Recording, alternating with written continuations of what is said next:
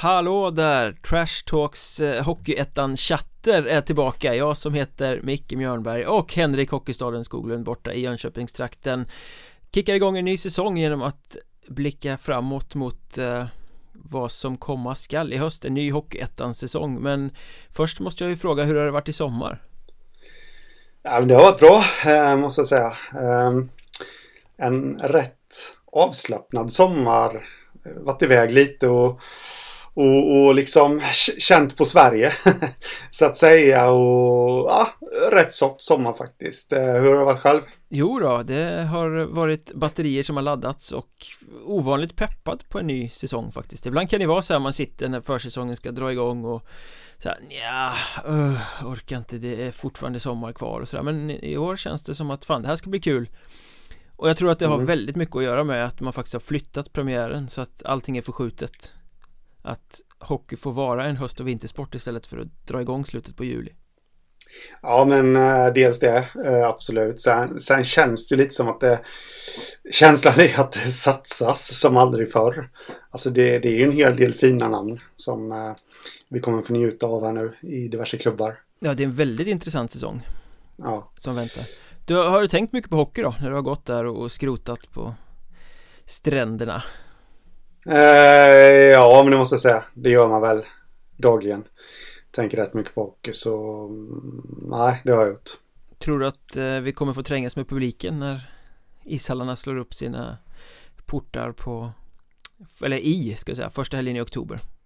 Det verkar ja, alltså, ju som att den gemene liksom I samhället så beter sig alla plötsligt som att corona aldrig har funnits och eh, Det är folk överallt och Eh, Eh, attityden verkar vara i takt med att vi alla får eh, sprutor i våra armar att eh, det kommer vara fritt fram för publik i höst Vad är magkänslan? Har pöben rätt? Nej, alltså jag hoppas ju att de har rätt men jag tror inte det. Jag tycker man liksom ser signaler lite överallt här nu att, att det kommer dra igång. Tyvärr, smittspridningen till hösten igen. Den här deltavarianten som frodas och jag är väldigt rädd för att vi kommer få leva med restriktioner ett bra tag framöver och att det då kommer drabba publiktillströmningen eh, i Hockeyettan. Vi, vi snackade lite innan vi tryckte på rec här och eh, jag var ju lite nere på att eller lite inne på att vi, vi kanske bara kommer få se ja, max 50 pers på, på läktarna här nu under hösten. Det, jag har den känslan faktiskt för vi det har ju dragit igång lite i Europa nu. Jag hörde att Tyskland stramar åt någonstans här och vi, vi ligger ju lite efter Europa generellt sett. Vi brukar ju faktiskt följa efter dem här i Sverige. Så att... Eh, nej, jag är inte så positiv. Nej, man försöker ju vara positiv men om man tittar tillbaka på fjolåret med lite perspektiv på det så var ju hockeyn framförallt extremt naiv. Man liksom trodde, man sköt premiär några veckor, trodde man skulle ha fulla hus till jul och allt det där och så slutade med ingen publik alls på hela säsongen. Eh, jag tror att man ska vara lite försiktig och inte sitta här och ropa hej och tro att man ska ha fulla ishallar när säsongen drar igång. Men pessimisten i mig säger att ja, kanske att man får släppa in 300 pers till premiären. Och att det sen om vi har tur stegras. Eh, Men jag, jag, tror att alla för eh, för sitt eget psykes skull ska vara lite försiktiga i förhoppningarna. Så att man inte liksom ja. tror på fulla hus till en premiär och sen får eh, Liksom att det blir hål på ballongen igen Att det blir pyspunka. Utan att man, man börjar försiktigt och så hoppas man att det blir bättre och bättre. Vi har ju goda förutsättningar nu med att folk blir mer och mer vaccinerade Ja. Att, eh... Risken här bara är ju faktiskt att eh... det är ju liksom ingen hemlighet att eh, många klubbar faktiskt ekonomiskt tjänade på, på säsongen som var. De behövde inte hålla igång sina juniorlag, eh, skicka ut dem på resor. Eh, och, och liksom de fick massa bidrag från staten. De, de kunde räkna med höga publiksiffror som de inte hade haft eftersom de ja. hade haft dåliga resultat. Precis, risken här nu till hösten är ju att de inte kommer få plocka in den publiken som de hade tänkt. Men fortfarande hålla igång sina juniorlag. Plus då att staten kanske stramar åt eh, bidragen lite just med tanke på att ja, de kanske har lagt örat mot rälsen och, och hört att oj, det, vi kanske har delat ut lite för mycket stöd här. Eh, så risken är att det kan bli en ekonomisk smäll för många om man ska ser det väldigt, väldigt negativt här nu då. Framförallt då med tanke på de stora satsningar som görs eh, runt om i många klubbar får man väl säga mm. Det är som du säger, det är många bra spelare som kommer lira Hockeyettan i höst Det ska bli ja. kul att se Men eh, apropå det där med storsatsningar och grejer Jag satt här på morgonkvisten medan jag väntade på att du skulle bli redo att trycka på rec Så satt jag och läste din artikel om eh, Hockeyettans tio bästa lagbyggen som du publicerade under söndagmorgonen mm. Det var intressant läsning. Den re rekommenderar jag alla lyssnare, gå in på hockeystaden.se och läs eh, här Hockeystadens eh, ranking där. Eh, någon, Några frågor bara? Det mm. växer ju alltid sådana när man läser sådana här rankinglistor. Hur definierar du ett bra lagbygge? För det ser jag ju när fans diskuterar och sådär att Definitionen av bra lagbygge är ofta i många supporters ögon många bra spelare i samma lag Tänker mm. du likadant eller har du någon annan parameter som du blandar in? Nej, dels är det en kombination. Alltså, så som jag har rankat de här lagen nu mm. kan jag ju säga att det är ju mycket på vilka spelare de innehåller. Mm. Självklart. Eh, men man måste ju även ha med lite i beräkningarna att eh, alltså hur, hur är balansen om man säger så. Ja. Mellan, eh, du, du, kan ju ha en eh, urdålig backsida liksom. Eh, men en fullkomligt stjärnglimrande forwardsida. Eh, och då gäller det faktiskt att hitta en balans mellan det också. Att eh, kanske inte ranka ett lag för högt som egentligen ja, utifrån sett och kanske bara lever på en forwardsida. Strömsbro till exempel. Ja, ungefär. De, de har ju, de åkte ju faktiskt väck från listan rätt snabbt. Eh, ja, du hade inte ens med dem bland bubblorna. Nej, eh, för de är, eh, vi har ju pratat om det förr här att alltså de, de, de, måste börja bygga lite bakifrån känns det som. Ja. För, för, att kunna vara med och utmana i toppen. Återigen har de satt en alldeles för dålig målvakts och backsida. Rent spontant om man ja, säger så. faktiskt. Jag håller med. Men eh, några reflektioner som jag gör här över din eh, ranking. Det var en ganska bra ranking får jag säga. Jag håller med om många av lagen även om positionerna kan fluktuera lite fram och tillbaka. Men oväntat högt på både Kalmar och Mörrum måste jag säga. Ja, men Mörrum, där tycker jag ju faktiskt att eh, de har ju kvar nästan samma lag eh, som de hade i fjol. Mm. Eller som de slutförde säsongen med, ska sägas, i fjol. Eh, så har de kvar samma lag i stort sett och dessutom kryddat då med dels John Henryon, sen några som har gått i sidled som jag tror att det finns utvecklingspotential i. Eh, plus jag har väldigt stort förtroende för tränaren där, Thomas Engman. Mm, det är deras eh, starkaste kort skulle jag säga. Han och Marcus ja, Paulsson. Ja, absolut. Och eh, det känns som att eh, de har liksom ingen startsträcka i år. Utan eh, det stora frågetecknet är ju att många tog ju, många slog ju personligt eh, rekord i fjol. Mm. orkar de hålla fast vid det? blir det ja på den frågan, då tror jag absolut de kommer vara med i toppen. För de ser ju spetsigare ut i år faktiskt än vad de gjorde i fjol. Eh, och kan de behålla sitt fina lagspel där alla, ja, alla kämpar för varandra liksom och, och offrar hörntänderna så, så tror jag faktiskt att de kommer bli jäkligt svårslagna. De måste ju dessutom ha... De, de dippade ju lite i fjol. De var ju lite ojämna i fjol. Mm. Eh, och, och, och, i och med att de behåller samma trupp i stort sett nu så känns det som att det är ju en sak som de förmodligen har jobbat väldigt hårt på. Hur de ska hålla en jämnare nivå. Så jag, jag tror faktiskt på dem. Och, sam, sam, eh, samtidigt är ju Mörrum är ju alltid Mörrum och de är ju alltid bättre när det liksom inte finns någon förväntan på dem. Mm. Nu, nu har de förväntningar på sig utifrån och de har förväntningar på sig själva och liksom det brukar ju borga för totalt kapsejsande i laxlandet så att säga. Um, och så ja. in med en superstjärna i Jan Henry och när det där och Ja, jag höjer mina frågetecken faktiskt Ja, eh, det som jag också tänkt i samma banor som du har gjort. Eh, men det, det, som ändå gör att jag, jag, tror att de kan fortsätta på samma spår, det är just Thomas Eng, Engman. Som vi mm. sa, det har ju varit lite si och så på ledarfronten ja, förra åren. verkligen, verkligen. Där. Eh, nu känns det mera gediget där liksom och vad jag förstår det som så har han eh, han har ett högt förtroende bland spelarna. Eh, den här tränaren då. Han är sportchef nu också. Ja, dubbla Så, ja, jag tycker att det känns stabilt. Eh, stabilare än på länge också.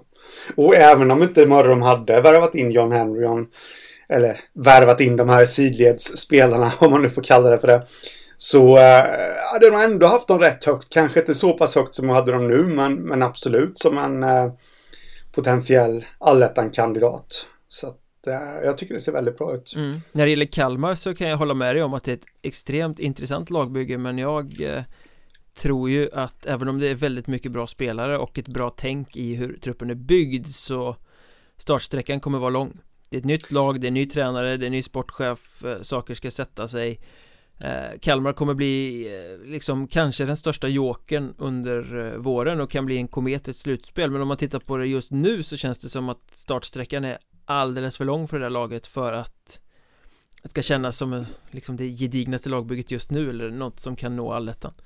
Ja men det tror jag med. Eh, vilket jag också skrev där att eh, jag tror ju faktiskt att de kommer bomma allettan. Och det beroende på att eh, de kommer nog behöva någon månad i alla fall för att kugga i det är väldigt mycket nytt. Eh, men, men sen tror jag också att de kan bli livsfarliga. Men rent, rent kvalitetsmässigt så håller de ändå som tia totalt sett i Hockeyettan just nu. Eh, jag älskar att du hostar när en ny säsong närmar sig. Det känns ja, som att det är liksom precis som det ska vara. Ja, ja, ja det, det är inget nytt under solen härvid. Eh, men nej, Kalmar tror jag kan bli en joker faktiskt. Men säg inte att de ska missa allettan till sportchefen Daniel Stolt för då frustar han av frustration. Han vill gå Jaha. för allettan, det har han varit väldigt tydlig med, ska jag kunna säga. Mm. Ja, nej men det, det är självklart med det laget så ska man ju sikta på allettan, det finns ju inget annat. Eh, jag tror dock att de... Eh, ah, det, det, det, kän, det är ingenting som saknas i lagbygget. Tycker jag inte, men, men däremot så tror jag att det kan ta tid att få ihop det. Och dessutom, det, det är ju lite så här också, det, det är ju en hel del, alltså Oliver Ale Östergren liksom, hur klarar han omställningen från västra serien som är mycket lättare än den södra? Ja, och så ska eh, han spela utan parhästen eh, Viktor Wenghult också. Ja, precis. Hur eh, de här nya finnarna, exempelvis Ahoniemi och vi vet ju inte så mycket om dem. Eh, så det hänger ju väldigt mycket på det också att eh, liksom eh, ja, de, de, måste ju leverera efter de förväntningar man ändå har på dem. Vad, vad de har gjort i, ja, i den västra serien då och i Mestis och alltihopa. Eh, Eh, Stålberg, målvakten där, var ju en av Kumlas absolut bästa spelare i fjol och kanske den viktigaste spelaren. Om man ska vara helt ärlig. Han spikade ju igen i kvalet för dem. Men eh, ja, hur klarar han omställningen till den södra serien? Där han förmodligen kommer få en hel del mer att göra. Kanske, för backsidan ser ju ändå rätt stabil ut också. Så att, eh, en annan sak vi inte heller ska glömma, Viktor Torala känner vi, den nya tränaren, känner vi egentligen bara till från Väsby. Mm. Och där känns det lite som att han nådde ju framgång genom ett långsiktigt arbete. Mm. Där. Eh, han kommer säkerligen vilja sätta sin sin spelidé på Kalmar. Eh, men, men det kanske tar ett tag för dem att anamma den också. Så att eh, det, det ser jävligt intressant ut men det är många frågetecken också. Viktor Torala som för övrigt var med i podden under sommaren Har ni inte lyssnat på det snacket så rekommenderar jag att gå tillbaka och lyssna på det. Han hade väldigt mycket intressant att säga Faktiskt.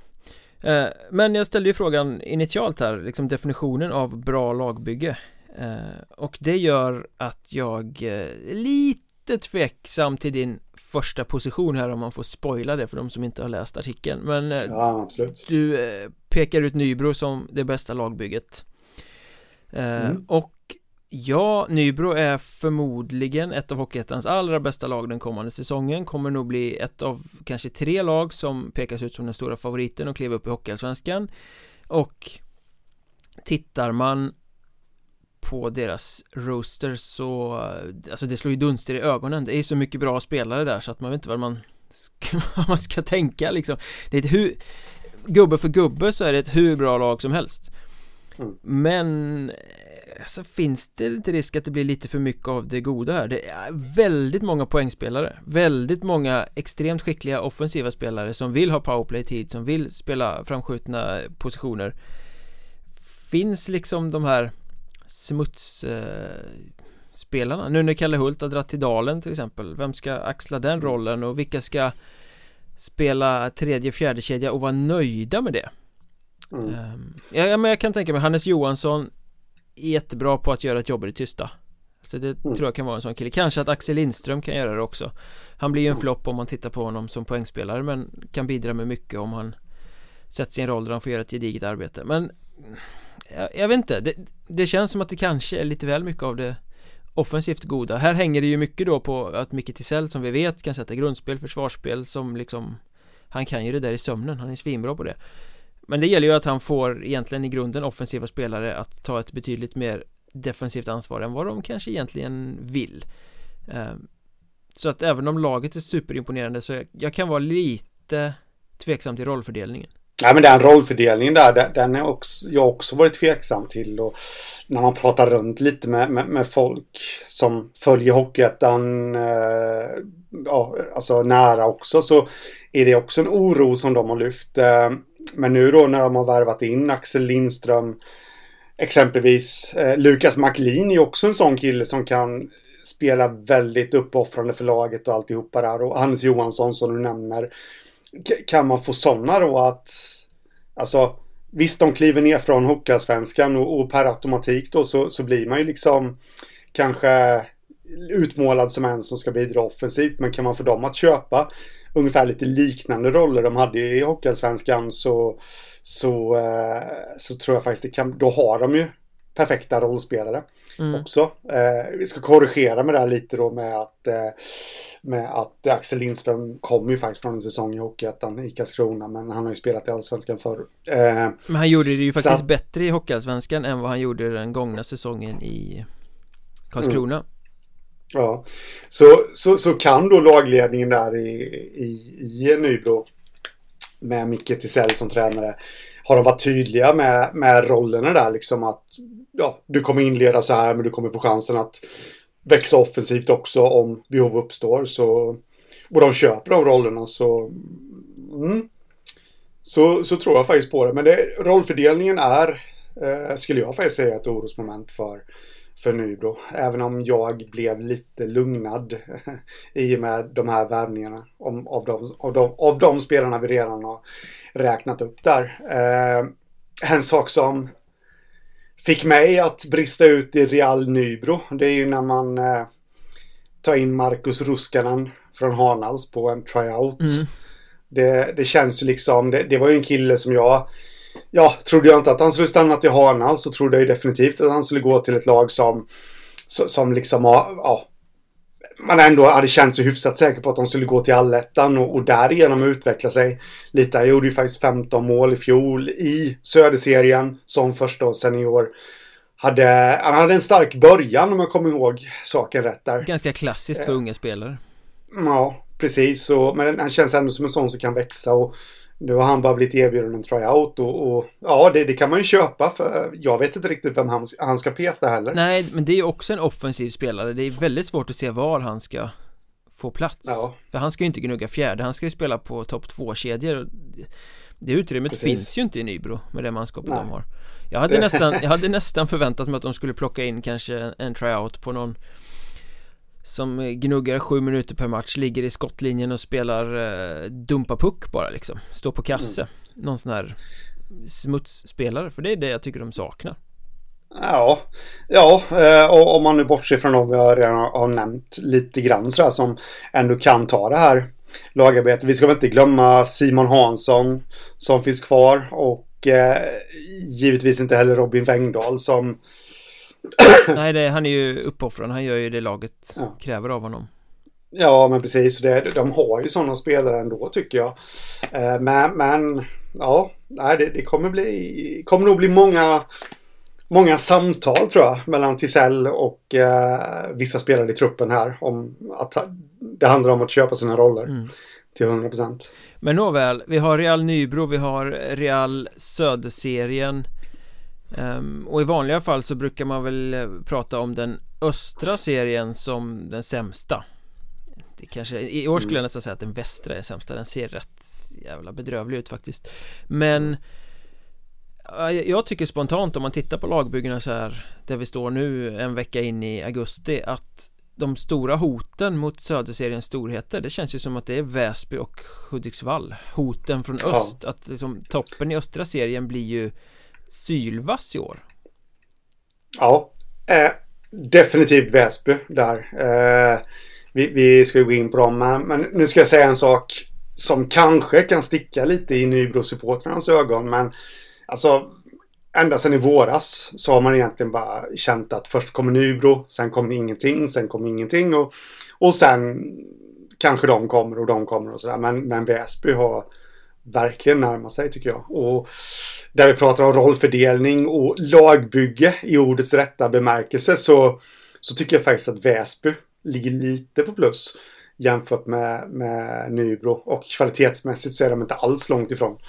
Eh, så spontant så känns det som att det kommer bli de här två som gör upp om det. Ja och tittar man på Väsbys lag också så är ju det Stockholmskillar Mm. Liksom mycket kopplingar till varandra eh, sen tidigare, mycket kopplingar till klubben sen tidigare De har flera riktigt kompetenta spelare som följer med ner från Hockeyallsvenskan Jag menar de kommer ha en backsida, bara senaste veckan har de ju presenterat eh, åtta extremt bra spelare på Hockeyettan-nivå Jag menar en backsida med Rasmus Sörgard eh, Rickard Blidstrand och Jakob Spångberg Mm. Alltså Det är allsvenskt. det är ju det eh, Och framför kanske det intressantaste målvaktsparet. Nå, Märk väl, intressantaste kanske inte bästa Men i August Hedlund och Isak Johansson. Så att de bygger bakifrån bra och sen Carlosell vänder hem för att vara kapten Viktor Andersson kommer in. De har fått behålla mycket spelare och dessutom de här täta kopplingarna till AIK har gjort att de har kunnat Värva unga lovande spelare som redan har lite allsvensk rutin och nu ska kunna ta Större roller i en Hockeyettan-miljö Eh, Nu ska jag... Ja. de har, nu, de har nu- smuts, de har spets, de har defensiv Väsby ser väldigt spännande ut Schmutz. Schmutz ja. Eh, ja, precis. Nu ska jag faktiskt höja mig själv lite grann här. Eh, jag skrev det här redan. Jag tror faktiskt att det var inför match nummer fem. För playout från Allsvenskan avgjordes i bäst av fem matcher, va? Om jag nu minns helt rätt. Ja, Kristianstad sköt Väsby sönder och samman i förlängning i den femte och Ja. avgörande matchen Jag, jag skrev detta, har jag för mig nu precis innan matchen, att om Väsby, Väsby har mindre att förlora än Kristianstad på att åka ut. För jag tror att Väsby kommer få behålla en hel del. Det var ändå spelare som följde med upp från Hockeyettan. Eh, och de har liksom mer spelare som, som man på ett naturligt sätt kan tänka sig vill vända tillbaka till klubben också för att hjälpa dem Mm. och etablera sig i toppen. Medan Kristianstad kanske då hade drabbats av en brutal spelarflykt. Liksom. De hade fått skramla ihop eh, ett gäng legoknektar om de hade rasat Ja. ner i, i ettan Ja, men absolut. Så, så där får jag klappa mig själv lite på bröstet då, att det är precis det som har hänt ungefär. Eh, sen ska vi inte heller glömma bort där att eh, för några år sedan satt vi här och pratade om ett väldigt, väldigt spännande framtidsnamn på tränarbänken. Jussi Salo. mm.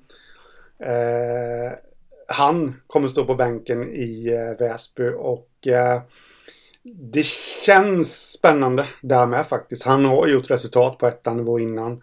Fick inte rätt förutsättningar i AIK när han var där i Allsvenskan. Eh, känns lite som att han det är ju första gången sedan han fick lämna AIK som han är tillbaka som huvudtränare här nu. Det känns ju som att han osar av revanschlusta liksom.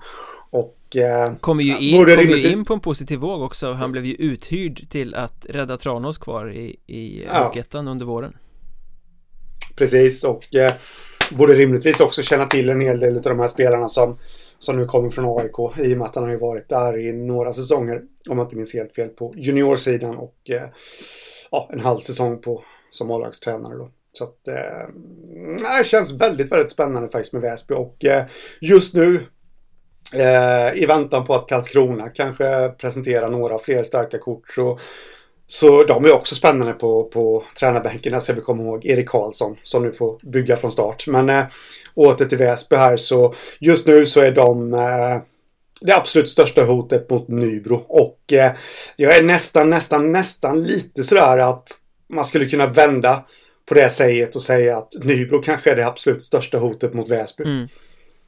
Men eh, i, i grundserien så är ju Hudiksvall det absolut största hotet mot Väsby eh, Och där kan vi också prata framtidsnamn och starkt på tränarsidan i och med att de har plockat in Dennis Hall Det var en lång följetong under våren. Han skrev på redan vid jul för det trots att han rattade Forshaga. Eh, Lite om det kan ni höra i ett annat poddavsnitt som kom ut under sommaren. En intervju med Dennis Hall. Det är bara att leta bland poddavsnitten så finns det där. Intressant snack det också. Men jag tycker att Hudiksvall ser ju ofantligt bra ut. Inte bara för att Dennis Hall, vi vet vad han går för som tränare utan de har ju behållit hela sin första kedja topp tre i den interna poängligan. De får behålla genombrottsmålvakten Jesper Boson. Eller Jesper Boson, Andreas Boson heter han såklart. Ja, Jag började undra vem det var för okänd. Nytt stjärnskott som kommer här.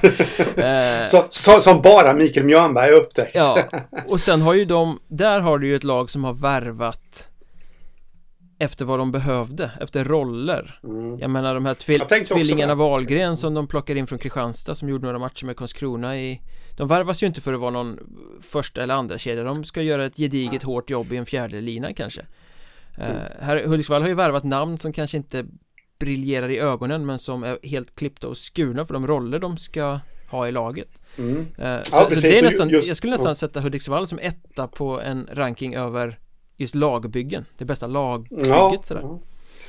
Ja. Uh, just, ja men absolut, men just det här med, med roller också, där, där är, känns ju Dennis Hall som, alltså det är bara att kolla vad han gjorde med Forshaga. Uh, och vad han, gjort, vad han har gjort tidigare i karriären också. Uh, det känns som att han är en väldigt bra tränare att få spelare att köpa sin roll också. Mm. Han verkar ju ha lite favoritspelare också. Det känns ju som att Henrik Olsén är som ett plåster på låret på honom. Han följer ju hans kölvatten från klubb till klubb. Ja. Också skicklig eh, spelare i de offensiva momenten av spelet i alla fall. Täcka puck och så vidare. Eh, men tittar man på andra utmanare, jag menar Mariestad från västra såklart Men där känns det som det finns frågetecken. Det är mycket som ska falla på plats. De har varit mycket duktiga spelare men det känns inte som någon superhit så här långt. Och tittar man norrut så Visst, Boden blir bra men det känns inte riktigt som en allsvensk satsning. Östersunds trupp på Elite Prospects ser ju fortfarande ganska tunn ut. Vi väntar på att de ska dra igång sin träning. Det sker väl nu om någon vecka eller något sånt tror jag. Då kommer väl presentationer av Oskar Pentler och Isak Mantler och Allt vad de nu har värvat men inte presenterat än. De blir säkert bra. Mm.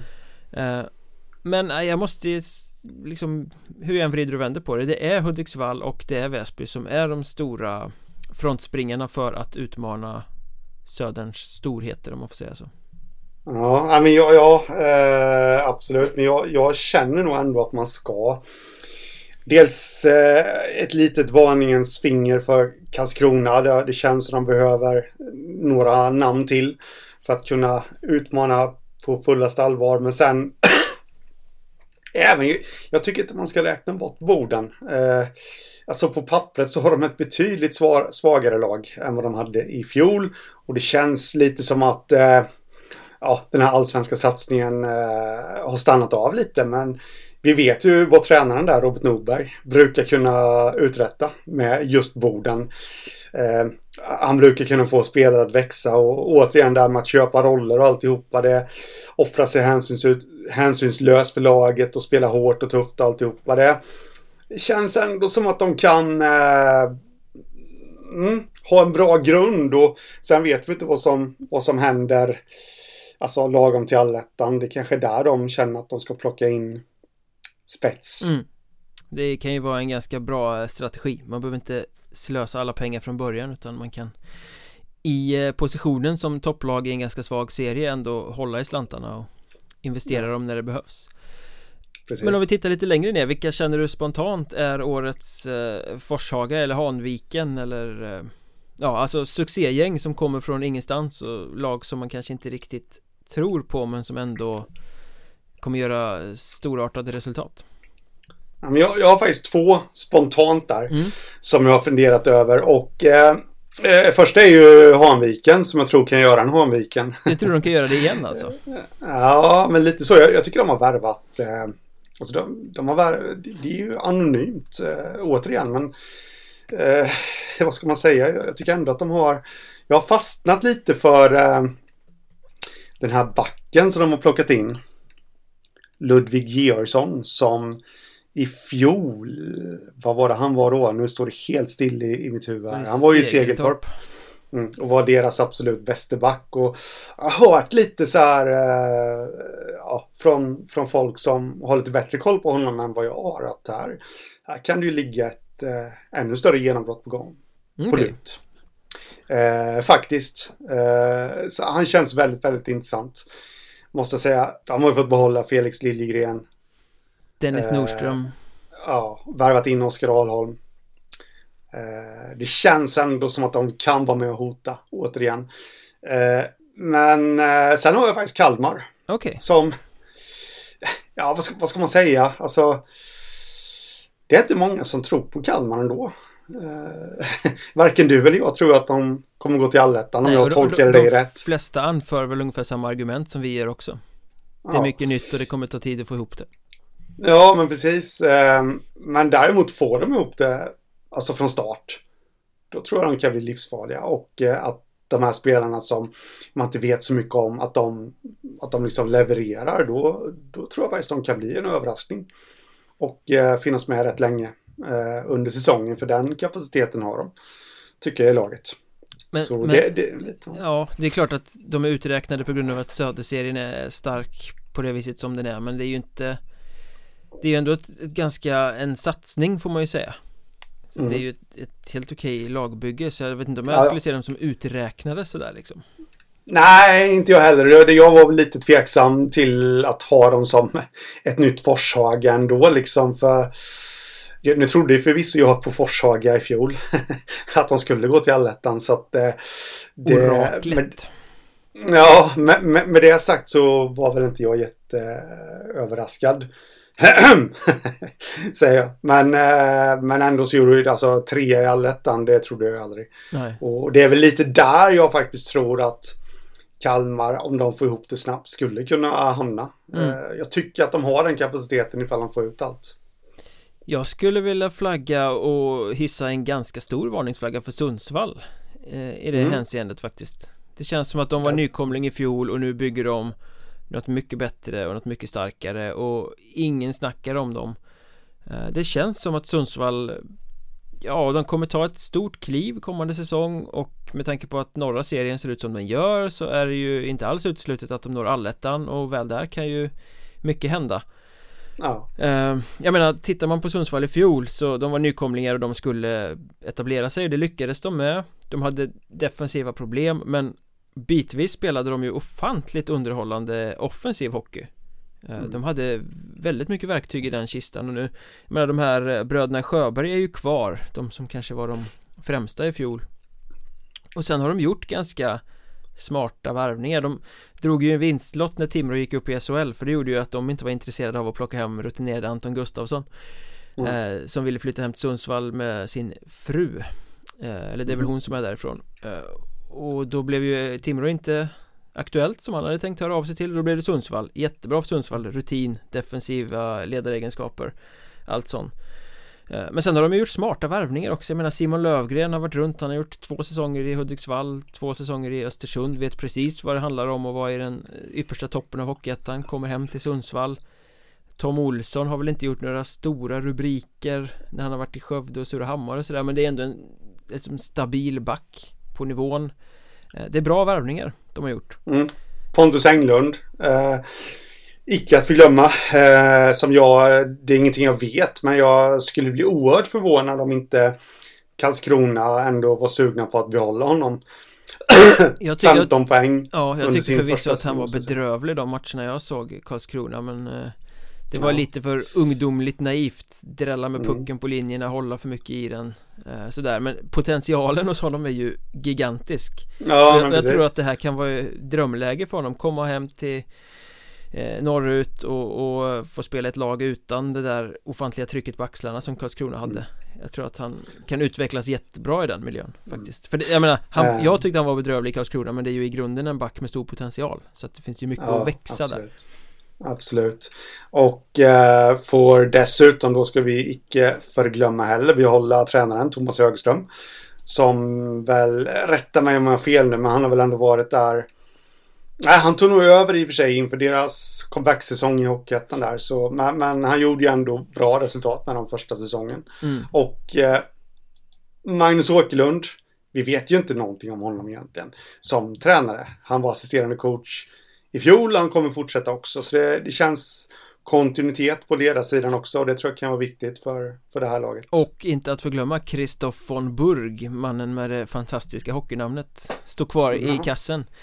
Han mm. kom väl egentligen till Sundsvall för att spela i juniorlaget i fjol om jag är rätt underrättad men eh, mm. slutade ju med dundersuccé i A-laget och nytt kontrakt. Eh, han kan ju vara en av norrseriens bättre keepers när han har sina dagar. Ja, ja. Eh, och gör sin andra säsong, känner laget nu så att det är väl också på plussidan. Ja, det tycker jag definitivt. Sen, sen känns det ju rent generellt som om man lyfter blicken från A-laget då. Så liksom föreningen överlag, alltså plockar in, äh, det kom ju här i somras, äh, ny äh, manager, Alexander Sten. Just det. Och, och ungdomsansvarig Thomas Sten det är ju hockeykunskap så att det bara dräller och blir, över där. Sen har vi ingen aning om hur de är som ledare. Eh, det ska vara klart för oss. Men det är ju, det är ju namn i alla fall som, som garanterat kommer liksom locka sponsorer och, och spelare till klubben och, och så. Alltså det, känns positivt just nu. Skaplig rutin in i, i föreningen i alla fall får man säga. Ja, det kan man lugnt säga. Jag menar, skulle det bli manfall på forwardsidan Får man inte lite sådär känslan av att Alexander Sten skulle kunna tänka sig göra comeback då kanske? För, för några matcher. Det hade ju det varit en, eh, en, en, rubrikmakare, klick, om inte annat. Ja, ja, ja, herregud alltså, regga in honom i truppen. Men eh, det, det, vet jag inte, han var väl ändå, jag är inte helt säker på detta, men var det inte på grund av skada han tvingades lägga av? Eh, du har bättre, ja, du har bättre koll på NHL än vad jag har så jag, ja, jag lägger mig det, platt i den frågan Det ska man nog inte säga att jag har men uh, ja, någonting klingar bekant att det var en skada som, som spökade för Sten den yngre så gjorde att han fick lägga av En annan spaning om vi bara håller oss kvar i norra serien för en liten stund är ju att Kalix i alla fall på pappret sitter med tre ganska kompetenta keepers mm. inför kommande säsong eh, Jag har inte hört någonting om att någon ska eh, avsluta kontraktet eller lånas ut eller någonting men eh, de kontrakterade ju Luleå ynglingen William Josbrandt precis efter avslutad säsong Sen under sommaren så har ju både Anton Hjalmarsson från Troja och eh, kanske framförallt Marcus Johansson från Vännäs kommit in i mm. truppen eh, Tre keepers som alla känns eh, Det är klart att hierarkin lär ju vara Johansson, Hjalmarsson, Josbrandt Men det är ändå tre oh. kompetenta keepers som man tänker eh, har bra potential att göra det bra i Hockeyettan Hur ser du på mm. den eh, liksom konstellationen? Någon måste ju lånas ut Mm, och känslan är ju att det definitivt inte kommer bli Marcus Johansson för han får man väl, eh, precis som du sa där, man får väl sätta honom som etta från start och sen Det är ju en prestigevärvning eh, Ja, och, och menar, värvar man Anton Hjalmarsson från södra Sverige upp dit så lär man knappast låna ut honom heller. Och då är det bara William Josbrand kvar som eh, väl kommer få lånas ut. Och sen är ju frågan, jag har inte riktigt koll på hur det ser ut med målvaktssituationen i alla klubbar där i norr, men jag tror han har ju potentialen att stå i en ettan-klubb i alla fall. Så det är mycket möjligt att det skulle kunna bli en utlåning i sidled faktiskt inom den den eh, egna serien där. Men var... Sånt som vi faktiskt inte tycker om. Men varför sätter man sig i den situationen med tre målvakter av eh, god kaliber? På det sättet? Mm, ja du. Vad jag har hört så är Marcus Johansson varit klar en längre tid. Ja, det, det har jag eh. också fått intrycket av. Annars hade man ju kunnat ja. tänka sig så här att de hade kontrakterat Josbrand och Hjalmarsson och sen plötsligt mm. uppstod mm. möjligheten att ta Johansson också, då kan man inte låta bli. Ja. Men mm. så verkar det ju inte ha varit. Nej. Då verkar det snarare vara så att vi Hjalmarsson kom in senare i spel Det vet jag inget om men om jag får spekulera Ja, det är väl lite känslan man får där. Att man tänkte sig att starta med Marcus Johansson från Vännäs och eh, William Josbrandt då. Eh, men så dök Hjalmarsson upp på radarn och då kände man att ah, här kan vi, har vi faktiskt ett tyngre alternativ till att eh, pressa Johansson på, på träningen och allt det där. För Hjalmarsson tycker jag var bra i Troja. Han var han riktigt bra när han fick stå. Ja, så han, han har ju faktiskt kapaciteten att, att kunna ta över som förstemålvakt om inte Johansson presterar. Eh, så den målvaktssidan ser väldigt intressant ut, men jag kan inte få in Josbrant i ekvationen här. Såvida det nu inte är någonting som vi inte känner till. Alltså att, att det kan vara någon som är skadad eh, och kanske behöver rehabilitering i några månader. Att det är därför Josbrandt är med som ja, en, en försäkring så att säga. Men det, må, det måste ju vara något sånt. Ja, men det kan ju vara så att de värvade Hjalmarsson också för att det är Josbrandt som är skadad eller något. Man vet ju inte. Vi får, vi får Nej, gräva i det. Men eh, på pappret så. så ser det ju ut som att det kan bli lite för mycket av det goda att ha tre så bra målvakter. Ja, definitivt, definitivt. Men eh, Kalix har ju alltid varit kända för sina målvakter. Bra målvakter. Måste jag faktiskt säga. Så det, är det någon klubb som, som ska ha tre kompetenta målvakter så är det väl de i så fall. Skövde sitter ju i samma situation i den västra serien. De har ju förlängt kontrakten med eh, Robin Wallin och Hugo Fagerblom eh, Målvaktsparet från förra året och dessutom lyft upp eh, Fritz Abrahamsson och juniorkeepern som har skrivit A-lagskontrakt så de sitter ju också med tre målvakter Men där är det så om jag förstår saken rätt att Robin Wallin går någon utbildning eller något som gör att han kommer vara på annan ort och riskerar att missa stora delar av grundserien Så då har de okay. säkrat upp där, då får man väl gissa att det blir så att Fagerblom tar större delen av ansvaret Wallin spelar när han har möjlighet och så är Abrahamsson med som någon sorts backup där och kanske blir utlånad eller något när Wallin kommer tillbaka eh, mm. Jag skulle kunna, men där känns det ju mer, visst det är tre Det är två målvakter som skulle kunna vara uttalade första keepers i ettan Vi har en lovande junior som mycket väl kan bli bra på sikt eh, mm. Inte heller en helt klockren lösning om alla tre är tillgängliga men här känns det ju mer att de har säkrat för att de inte vet hur mycket Robin Wallin kommer kunna vara med Nej, men precis. Nej, så tror jag också eh, faktiskt att det är. Men du eh, nämnde Boden förut och deras satsning.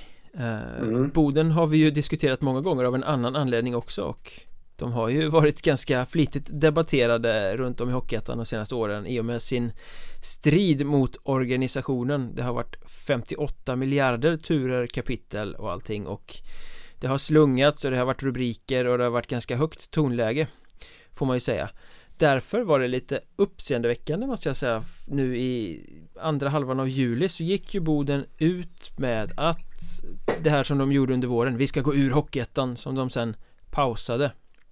Uh, Nu gick de ut med igen att nu gör vi slag i saken. Uh, Nu uh, går vi ur Hockeyettan. Vi kliver ur organisationen. De mobbar oss, vi kan inte vara med här. Mm. Men det kan ju ha med tidpunkten att göra men eh, det gick ju väldigt obemärkt förbi ja. Det blev väldigt lite omrört i grytan, det var väldigt tyst Det var som att folk ryckte på axlarna och ingen brydde sig Tror du att de hade väntat sig ett större ståhej när de eh, tryckte på den publiceringsknappen den 21 juli? Ja, Eller 22 juli kom det väl på hemsidan i och för sig Det var 21 ja. juli dokumentet signerades. Mm. Nej, men det tror jag definitivt. Men jag, jag är inte så överraskad ändå. Jag, tyckte, jag har faktiskt tyckt att man har märkt de tendenserna att eh, ja, backar vi bandet ett halvår och sådär då om man nu ser det från min roll som journalist så då visste man ju att skrev man om konflikten Boden Hockeyettan så skulle det dra trafik liksom.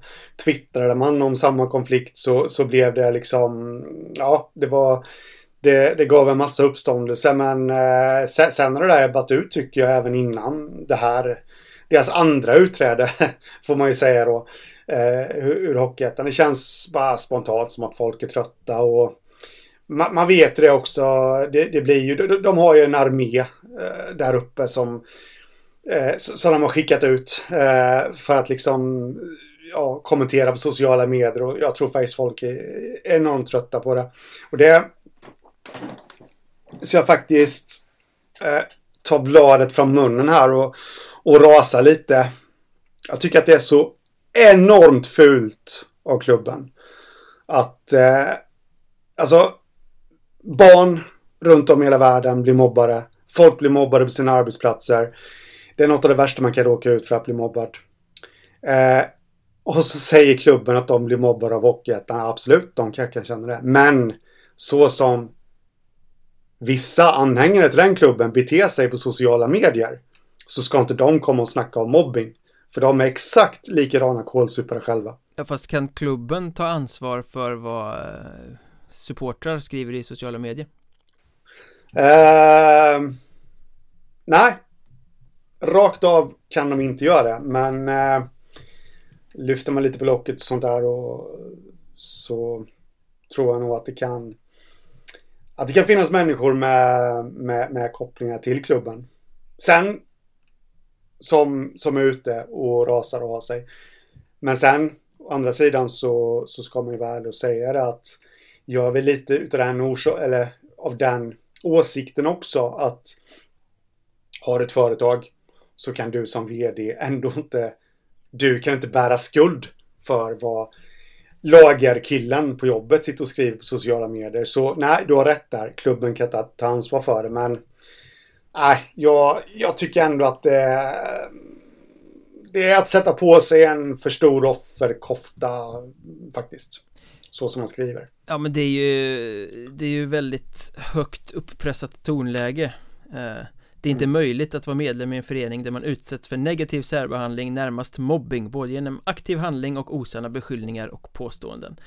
Eh, Ja, det är väl en upplevelse Men eh, Vi har pratat om det tidigare. De har inte skaffat sig sympati varken hos andra supportrar än de till klubben eller hos andra klubbar i Hockeyettan för att få stödet. Det har varit lite för Ja men de, båda sidor har ju betett sig ungefär likadant så att Det är nog precis som du säger, det här gick obemärkt förbi eh, Jag ja. tror att det blev lite av ett antiklimax för de som trodde att det skulle rulla på med Gjuta olja på vågorna utan eh, Det känns som att, jaha, okej okay.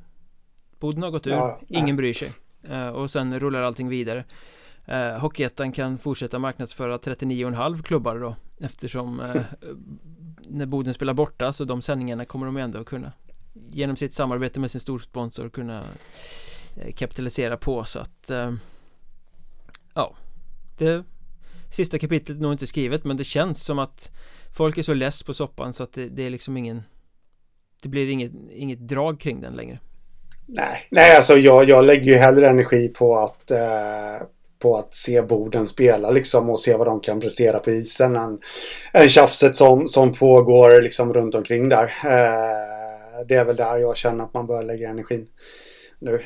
Så ja, det, det, andra känns helt oväsentligt faktiskt. Det känns ju Alltså, vi har ju pratat om det att vi, vi, vi, eller i alla fall jag och jag tror att du håller med mig också, hela det här, det här ATG-avtalet har ju känts väldigt spännande och att det kan ge någonting på sikt. Men jag känner väl rent spontant att det, det är väl mer eller mindre kanske dött och begravet det där. Jag, jag har svårt att se att ATG och Hockeyettan kommer kunna fortsätta med varandra eh, efter att avtalstiden går ut. Eh, så det känns ju redan nu som att ja, det, det, är väl ingenting att bry sig om liksom. Jag vet inte, det beror väl helt på vad som händer den här säsongen tänker jag För det, jag tror, jag ska inte svära på det men jag tror att det här är sista eh, året i grundkontraktet Jag tror att de skrev 3 plus 2 så att det ska väl mm. omförhandlas nu då efter det här, det här tredje året Får vi se om det blir ett bryt eller om det blir ett nytt avtal med andra förutsättningar eh, På något ja, sätt det, Ja, det, om man nu får vara lite galghumoristisk här så kan jag väl tänka mig att eh, de som sitter på Hockeyettans kontor eh, kanske håller tummarna för att Boden går upp i Allsvenskan. Då. Ja, eller åker ur. Ja, men det, det, är väl knappast realistiskt. Då ska det till en genomklappning utan Guds nåd. Verkligen, faktiskt. verkligen. Eh, men apropå åka ur så det känns ju som att det kommer eldas på ganska ordentligt från eh, division 2 den här säsongen. Ja. Eh, det kommer inte bli lätt för de Hockeyettan-lagen som hamnar i kval fram i vår och då tänker jag kanske framförallt nere söderut där Borås som åkte ur Hockeyettan nu under våren de var väl egentligen aldrig ens nära att klara sig kvar. De var alldeles för dåliga. Nej. Men nu gör de någon sorts eh, Modell supersatsning. De ska bygga gubbmaffian deluxe I textilstaden och jag vet inte vad man ska säga om de här Bombnamnen som verkligen regnar. Nej alltså det Ja vad, vad ska vi säga egentligen? Eh... De började med att förlänga med Henrik Eriksson och Anders Eriksson som ju är två skapligt kompetenta mm. spelare och sen har de värvat Vadim Berdnikov eh, med 78 miljarder KL-matcher på meritlistan. Ja, får behålla Alexej Sibirtsev som är en, eh, ja, alltså, en toppspelare såklart i division 2 absolut. Eh, håller måttet känner jag i, i ettan även om han kanske har tacklat av lite eh, med åren. Eh, Filip Svensson får man behålla. Det var ju en kille som, som vi har suttit och ja, sett som en spännande talang. Eh, som mycket väl hade kunnat blomma ut på Hockeyettan-nivå. Hade ingen supersäsong säsongen som var, men tar ett omtag här nu i, i division 2. Eh, redan där har man ju egentligen eh, två femmor som kedjor som definitivt står sig på, på nivå känner jag. Mm. Sen är det ju den här, ja, det är ju målvaktssidan. De har ju bara en målvakt på kontrakt nu då och många, många uppgifter säger till mig att eh, den de har på gång där är en kille som heter Konstantin Barulin. Han har vunnit VM-guld, JVM-guld, han har mängder av KL-matcher och eh, senast i fjol såg han i KL en hel radda matcher. Så eh, det, det, känns som en värvning som inte ska kunna gå att genomföra men alltså ja, många av varandra oberoende källor säger att han faktiskt är klar och snart kommer presenteras för Borås. Ja, och att de värvade den här eh, Berdnikov-snubben som också har mängder av KL-matcher på meritlistan pekar väl också i den riktningen. Att ja, Borås absolut. lyckas landa tung KL-rutin. Ja, ja, ja. Det, ja man, alltså, I de här lägena så brukar man alltid sitta och hitta någon slags koppling liksom till hur, hur, hur i hela friden lyckas de med detta. Men jag har inte hittat någon så här klockren koppling. Men den, den finns ju säkert där. Eh, sen eh, säger många uppgifter också då att det finns en back X som ska in i leken här också. Alltså en väldigt rutinerad back som ska in och jag fick faktiskt uppgifter på detta. Jag har fått det från några håll att den backen ska vara Fredrik Eriksson. Um, Tidigare Frölundaback som har varit ute i förskingringen i Europa i rätt många år va? Ja, precis. Han har ju även spelat för Malmö och äh, Karlskoga också. Bofors. Bofors, ja. Eh, det sägs att han ska in i leken också. Jag, jag, vet inte om han är klar eller om det är nära. Men tydligen så ska han ha sina bopålar i närheten av Borås där och eh, eh, ja, väver de honom så så är det ju sjukt intressant. Jag satt faktiskt och jämförde lite Borås med de här med Fredrik Eriksson då och eh, eh, Konstantin Barolin i truppen också. Och, och, de skulle ju, kanske inte i södra serien, men hade man flyttat över dem till östra eller västra eller norra ettan så hade de ju definitivt varit ett lag som hade krigat om allettan. Mm. Om eh, gubbmaffian, för det får man ju faktiskt kalla, kalla ja, dem. för, för Bar. Barolin och Eriksson och allt vad det nu är. De är ju närmare 40 än 30, eh, om vi säger så. Mm. Så att det är ju på karriärens upplopp och det, det, är väl lite därför de Om de nu blir klara kan värvas också. Um, Många målar upp det här som att Borås blir uh, stor uh, Favoriter att ta klivet upp. Jag känner väl mer spontant att här har vi Hockey Sveriges största flopprisk säsongen 21-22 uh, Om man får säga ja. så. Dels för att det är så gamla gubbar, jättemycket rutin men det är gamla gubbar, hur motiverade är de? Och jag tänker de här ryssarna, ryssar i svensk hockey överhuvudtaget är svårt. eh, Det vet mm. jag att du motsäger mig genom att säga att Borås brukar vara bra på ryssar. Eh, Du kan få komma mm. till det snart. Men ryssar i svensk hockey, det är svårt. Här kommer det åldrande ryssar med liksom hur mycket rutin och spel på hög nivå som helst. De är ju större än laget när de kommer till Borås. Och de kommer mm. garanterat till Borås med vissa eh, liksom eh, vad ska man säga? De har säkert blivit lovade att inte behöva förta sig. Jag menar Man flyttar inte till Borås för att träna stenhårt och bli, bli slavdriven som 37-åring ehm, Nej. Så att jag menar ja, Motivationen kan väl vara sådär De kommer till Sverige, de kommer inte förta sig, de kommer ha det gött. Vi vet hur det var när Ed Belfour var i Leksand till exempel. Han var inte mm. där för något annat än att jaga och dricka sprit Om man ska säga så. Så ah, Jag tror det finns en viss risk att det är jättefina namn men att de inte kommer vara särskilt intresserade. Och sen andra risken Det är på våren som kvalet avgörs. Um, Då kan de mycket väl vara borta på, uh, i andra ligor, i andra klubbar på betydligt högre nivå. Så att risken är ju så här att de kommer till Borås, matchar upp lite, försvinner. Uh, jag ja, tror att det, det uh, lagbygget i Borås ser ju jättefint ut på pappret men jag tror det finns stor, stor risk att det här havererar Ja, jag, jag, är inte riktigt lika säker på det. Dels eh, om vi bara för en stund kliver bort ifrån eh, ryssarna här så har de kvar Henke Eriksson i laget. Eh, jag pratade faktiskt med en spelare som hade mött honom här nu säsongen som var och, och liksom det han sa rent spontant vad han hade tänkt. Det var ju att Eriksson, det, det är en allsvensk spelare. Eh, och, och, då gäller det över hela banan. Alltså inte bara offensivt utan även det defensiva ansvaret och, och ledarskap och alltihopa. Liksom. Och det, det, det tror jag även han, eh, jag har ju haft förmånen att prata med honom några gånger och känner till honom eftersom vi är från samma stad. Och eh, jag tror inte att hans energi kommer försvinna bara för att det är division 2 som, eh, som det handlar om. Så där, där tror jag ändå på en eh, stor plusfaktor. Men för att flytta tillbaka till det ryska fokuset för, eh, här nu då. Först och främst då så undrar man ju lite här. Vad har ryssarna egentligen? Vad vet de om Borås? Alltså, har de fått det presenterat för sig att vi är en det är, en, det är en klubb i in the Swedish Second League. Då kan man ju få för sig att det är allsvenskan. Så de tror att de kommer till. Eh, så det ska bli lite intressant att se ifall vad som händer där. Tjena Barolin, du ska möta Värnamo, Ulricehamn och Nässjö HC.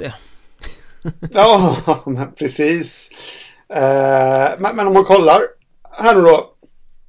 Borås har genom åren haft fem ryssar bara i organisationen eh, genom åren och eh, varav tre faktiskt måste jag säga har varit sjukt lyckade.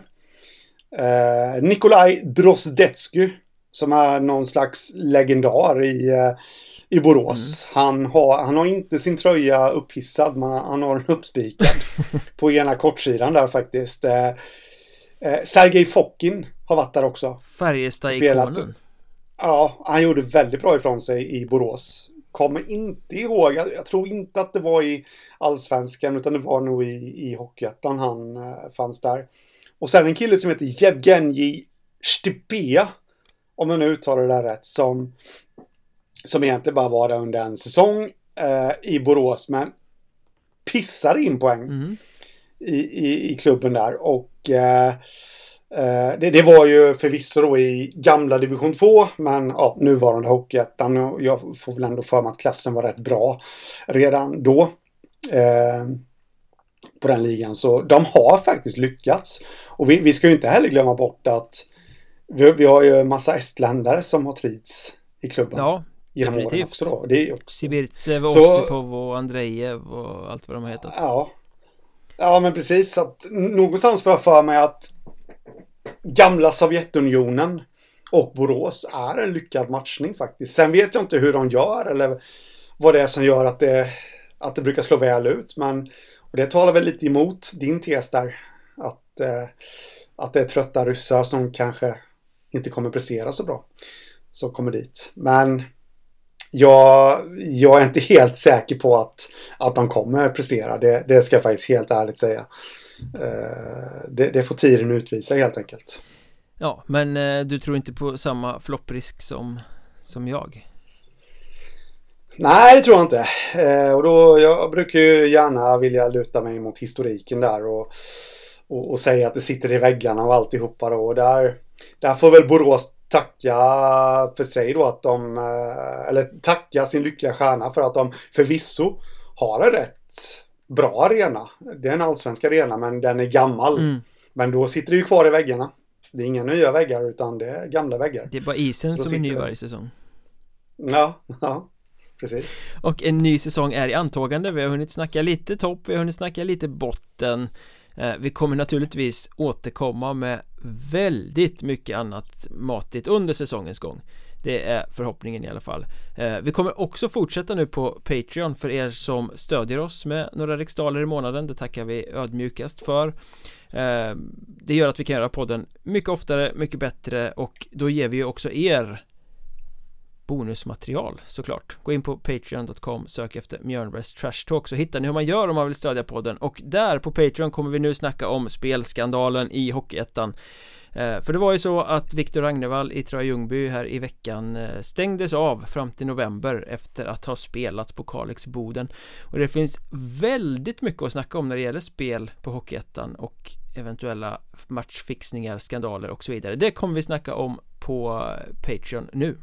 Ni kan hitta oss i sociala medier också att Mjornberg heter jag, att Hockeystaden heter Henrik, att Mjornberg podd är poddens Twitterkonto och så ja, vi hörs väl på Patreon helt enkelt och snart kommer ett vanligt avsnitt igen Jajamän Ha det gött! Detsamma! Tja!